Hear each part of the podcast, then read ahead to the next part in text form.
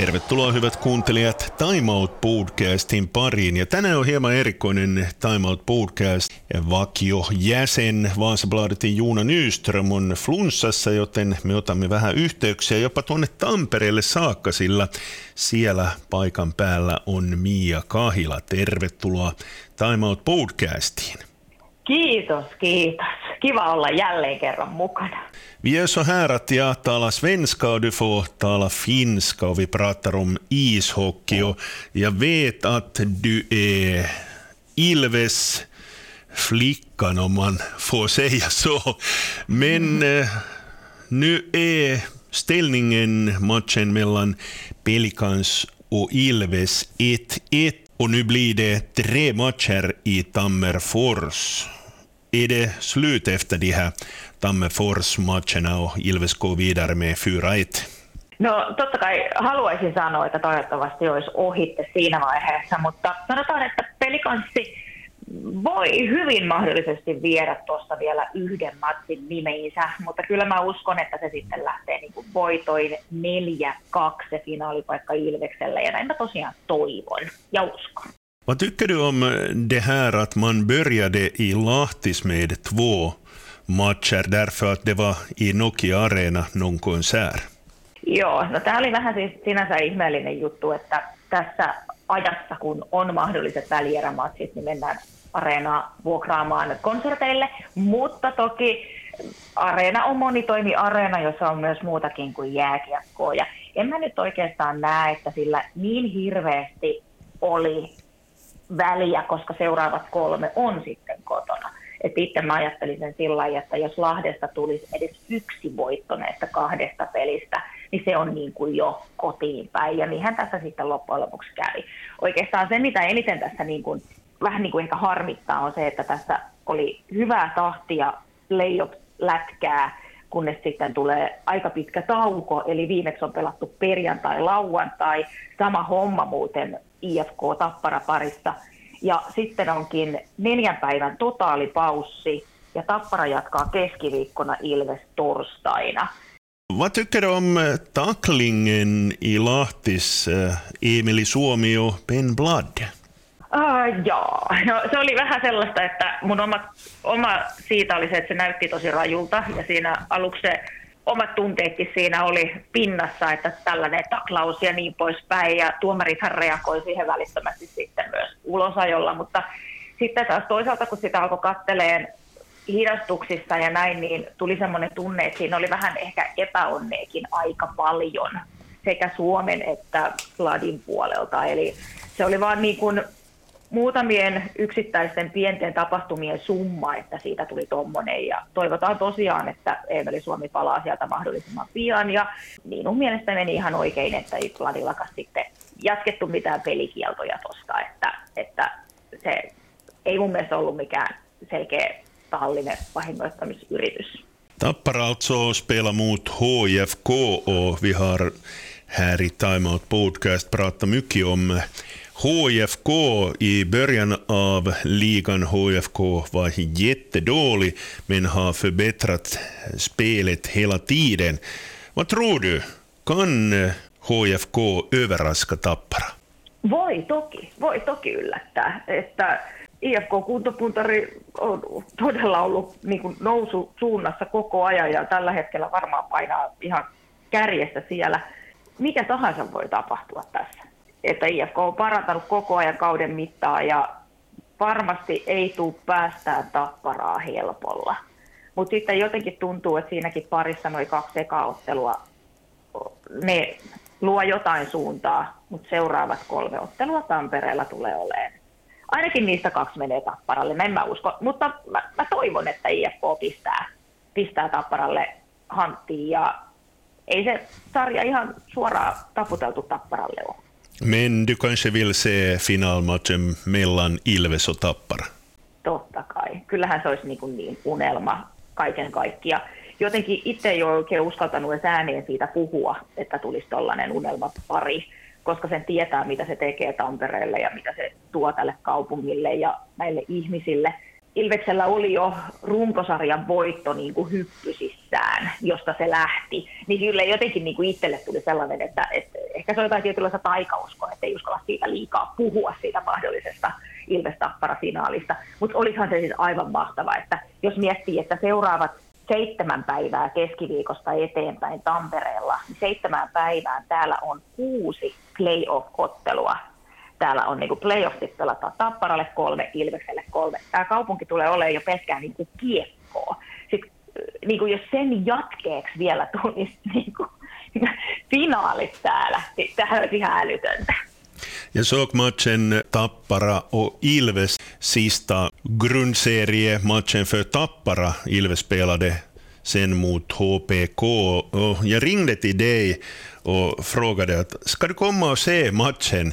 Och så sa du att nej, det är Tapparas match, jag kommer inte. niin, ja, ja tämä, itse ei ole pelkästään mun mielipide, mutta tämä on niin aika monella semmoinen tapa, että tämä on niin Tapparan kotiottelu, se on Tapparan järjestämä matsi. Okei, se on samassa paikassa Nokia-areenalla, mutta se on aivan uskomatonta, miten se areena niin kuin muokkautuu niin kuin toisen joukkueen väreihin ja kannattajiin ja oh, siihen ottelutapahtumaan ja kaikki. Ja mä olen joskus sanonutkin, että mä voin mennä Nokia-areenalle Tapparan kotiotteluun, mutta ainoastaan silloin, kun he pelaavat sporttia vastaan. Ja sitten mä voin niin kuin kannattaa tuttuja sporttilaisia. Mutta tota, se on ainoa, mutta mä katson mieluummin telkkarista ottelun, jonka Tappara järjestää. Näin se vaan on. Hur mycket du följer om Vasan sport? Kyllä mä edelleen seuraan. Meidän perheen vanhin kuitenkin edelleen pelaa siellä sportin junioreissa ja tuttuja jätkiä, keiden kanssa tein todella monta vuotta sportissa töitä niin, ja haastattelin just Radio Vaasaankin, niin pelaa siellä edelleen. Niin kyllä sitä tulee seurattua ja aina kun sportti tuonne Nokia-areenalle on tullut, niin siellä tulee paljon tuttuja sportin kannattajia käytävillä vastaan ja siellä on lahalailtu ja sama juttu sitten siellä pukukoppikäytävillä, niin kyllä siellä ollaan juteltu pelaajien kanssa ja huoltajien kanssa ja valmentajien kanssa ja kyllä mä seuraan aika paljonkin. Och du såg Risto Duffa och Duffa sa det, vad gör du här? ja, Duffa itse asiassa sanoi, että frissuuri, mutta ihan sille hyvässä hauskassa mielessä, että mutta ihan samalla tavalla heille sitten tsemppiä toivotin, kun heillä oli kerran tapparaa vastaan otteluja siellä käytävillä nähtiin, mutta se on ihan mukavaa semmoista. Ja eihän toi sportti koskaan sillä poistuutuu, että se on kumminkin aika pitkä aika, se yhdeksän vuotta siinä. Ja, ja tota, uskon, että niin kauan kuin siellä jollakin tavalla tuttuja ihmisiä on töissä ja pelaamassa, niin varmasti seurailen koko ajan, mitä tapahtuu. Denna säsong var jättedålig för sport. Vad tror du om nästa säsongerna om Vasan Sport? Joo, no mä oon vähän niin kuin siitä, siinä linjoilla, että saa nähdä keitä sinne tulee. Että yritys saada iskukykyinen joukkue on, on suuri ja siellä kuitenkin jatkaa näitä ruotsalaisia, jotka siinä kantava voima oli viimekin vuonna. Ja maalivahtiosastoonhan nyt tuli lisää vahvistusta, että maanantaina Miroslav Svobodan sopimus julkaistiin, että hän on sitten Reijolan kanssa siellä veräjän vartijana, mutta mä odottelen niitä vahvistuksia, keitä sinne on tulossa. Mutta sanotaan, että sportillakin se, että tuloksellisesti ehkä sijoituksellisesti oli huono kausi, mutta kyllähän ne ruottalaiset välillä pelasivat tosi hienoa kiekkoa. Jos siitä saadaan sitten niin kuin ehkä vähän tasotettua sitä peliä muidenkin ketjujen osalta, niin en mä tiedä, sportti voi joskus jopa yllättää. Hoppas så att det går mycket, mycket bättre på nästa säsong för Vasan Sport. Tällä kertaa tämmöinen vähän erikoisempi Time Out Podcast vieraana on ollut Mia Kahila ja meillä on yhteys ollut sinne Tampereen suuntaan, joten Mia, nyt alkaa sitten jännityksen täyteiset päivät, kun Ilves pelaa pelikanssia vastaan. Ei muuta kuin oikein mukavaa kevään jatkoa sinulle. Kiitos paljon ja pari päivää pitää odotella vielä, että pelit Tampereella jatkuu ja nyt jo kämmenet hikoo. Nu fortsätter eh, Time Out podcasten och som jag har sagt, Jona Nyström är sjuk och idag har vi Mia Kahila som pratade om ishockey och nu har vi på tråden Kimmo Siljander som vi ska prata fotboll med. Kimmo, välkommen till Time Out Podcast. Kiitoksia, kiitoksia. Berätta lite om dig själv. Du har spelat fotboll ganska länge. Juu, kyllä. Melkein kaikki sarjatasot paitsi veikkausliikaa niin on tullut koluttua läpi tässä tota, 15 vuoden aikana. I vilka lag har du spelat? FC Lahdessa olin, olin mukana ja sitten tänne Vaasaan tulin, niin FC Kiisto ja FC Korsholm on ne, missä enimmäkseen olen pelannut. Veikkausliga börjar nu på onsdag. Hur länge har du väntat på det? No siitä asti, kun viime kausi meni pakettiin, että, että tota keskiviikkona alkaa ja mahtavalla pelillä, kun pääsee tonne Lemonsoft Stadionille katsomaan VPS ja FC Lahtea, molemmat minulle tärkeitä joukkueita. Vilka av dem är viktigaste, VPS eller Lahti? No kyllä tällä hetkellä olen, olen kyllä Vepsulainen, eli Vepsua kannatetaan. VPS-laget, vad tycker du om hurdana möjligheter VPS har nu i Veikkausliga denna år? Kyllä mä uskon, että meillä on aivan, aivan hyvät mahdollisuudet, että muistaakseni tuossa Iltasanomien Veikkausliiga-liitteessä niin VPS oli laitettu siellä numero yhdeksän ja minun mielestäni se on aivan väärä sija, eli, eli sinne, sinne ylempään loppusarjaan kyllä varmasti on joukkueen tavoite. Har du sett äh, träningsmatcherna? Juu, olen, olen nähnyt tuossa muutamia koosteita ja mun mielestä näyttää peli, ei, tietysti ei näytä vielä ihan valmiilta, mutta oikein hyvältä näyttää. Eli tota, Lahdella tulee kyllä kiire keskiviikkona. Om vi pratar om de här styrkorna i VPS, vilka tror du att de är? Joukkuepelaaminen, mikä nyt viime vuodellakin näkyy erittäin hyvin, niin se on VPSn yksi, yksi vahvuuksista. Ja tietysti se, että pystytään vaihtamaan pelin, pelin painopistettä nopeasti alhaalta ylöspäin ja tietysti meillähän on tietysti Kalle kärjessä, eli Multanen varmasti tulee taas tekemään sen yli kymmenen veikkausliikamaalia, niin luotetaan siihen. Tite Jengi var en viktig, viktig man för VPS anfallsspel. Vad tror du?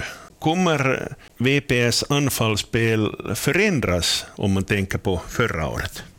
No kyllä se varmaan tulee muuttumaan, että nythän sinne Saavio on tullut Hitkistä ja sitten tämä uusi tota, Jevgeni Paskirov, niin tuo vähän erilaista, eli enemmän ehkä taitoa tulee mukaan ja pystytään varmaan pitämään palloakin niin kuin enemmän vastustajan, vastustajan pelialueella ja sitä kautta löytämään ehkä laitojenkin kautta niin keskitykseen ja sitten luotetaan siihen, että sieltä löytyy sitten keskeltä Stevenin ja Kallen tasoisia pelaajia, jotka pystyy laittamaan sitten palloa, palloa pömpeliin. Finns det någon svaghet i VPS? Varmaan vähän samanlaisia heikkouksia voi olla niin kuin jopa Suomen maajoukkueella ja varmaan aika monellakin veikkausliikajoukkueella. Eli laitapuolustus on aina kysymysmerkki ja löytyykö sinne sitten sellaisia pelaajia, jotka pystyy sekä puolustamaan että hyökkäämään tasaisesti läpi kauden, niin saa nähdä ja toivottavasti löytyy. Som du sa, det, VPS var, var det nu på nionde plats där i mm. Urheilulehtis prognos, men FC Lahti var den sista. Är Lahti så dålig lag? Minä en itse usko siihen, että Lahti tulee olemaan viimeisenä, että sieltä yleensä tulee aina aina hyviä, hyviä uusia nuoria pelaajia, jotka on hankittu siitä lähialueelta tai sitten omia kasvattajia kuusisi reippaan puolelta, niin uskon, että tulevat kumminkin pärjäämään. Ei ehkä yhtä hyvin kuin VPS, mutta en usko, että tulee tippumaan ainakaan. No, vilka lag ska vara där i toppen och vilka är sådana som inte kommer att klara bra på denna säsong?